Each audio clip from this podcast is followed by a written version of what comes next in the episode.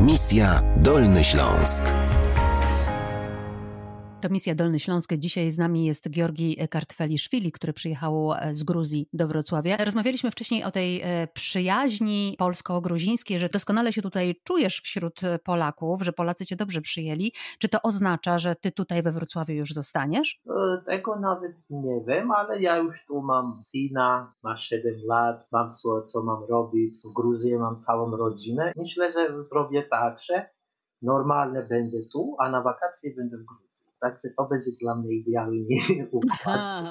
No tak, Gruzja piękna na wakacje jest, Tak, sam opowiadałeś. Od, od Gruzji nie odcinam się. Ja co rok, 3-4 razy w rok tam latałem i obie, objazdówki robiliśmy z Polakami i widziałem wszystko i to więcej, więcej poznałem, jak tak chodziłem w Gruzję, nawet jak w Gruzji mieszkałem, tam nie widziałem to wszystko, co teraz zobaczyłem. Czyli dzięki Gdzie- temu, że ty jesteś w Polsce, Tak, to lepiej tak. poznałeś Gruzję też. Tak, tak można powiedzieć, bo Mhm. przez wycieczki to tak się stało. Będzie co rok, nawet dwa razy tam, jak wróci te czasy i będzie już możliwe, tak planuję, ale no jak będzie, zobaczymy to. A powiedz Gijo, w jakim języku rozmawiasz z synem?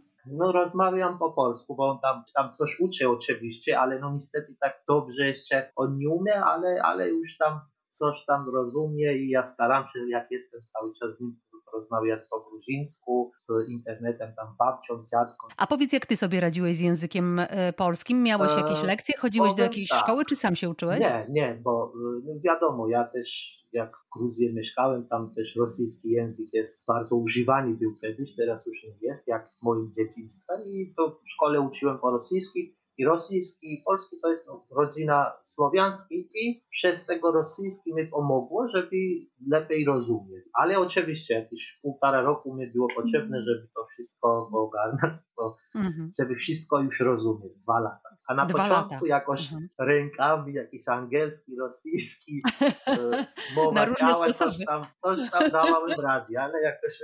Teraz jest okej. Ale- No tak, początki trudne są To, zawsze. to ja słyszałem, że polski język jest na świecie czwarty trudnych językach. Tam po chińsku, japońsku i trzeci jest polski. To prawda.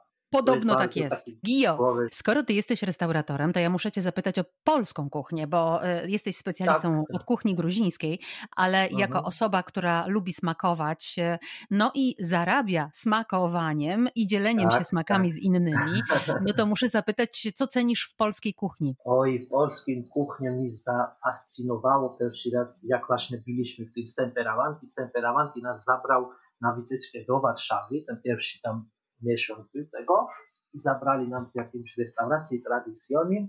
Jak mnie podali w chlebie żurek, ja byłem w szoku. Żurek w chlebie, tak? Chlebie tak tradycyjne. Tak mi to smakowało, że powiedziałem, że to jest najulubieńsza rzecz dla mnie. Cieszę się. Ja ci powiem, że ja jestem fanką haczapuri. Haciapuri też. Tak. Rzeczywiście to.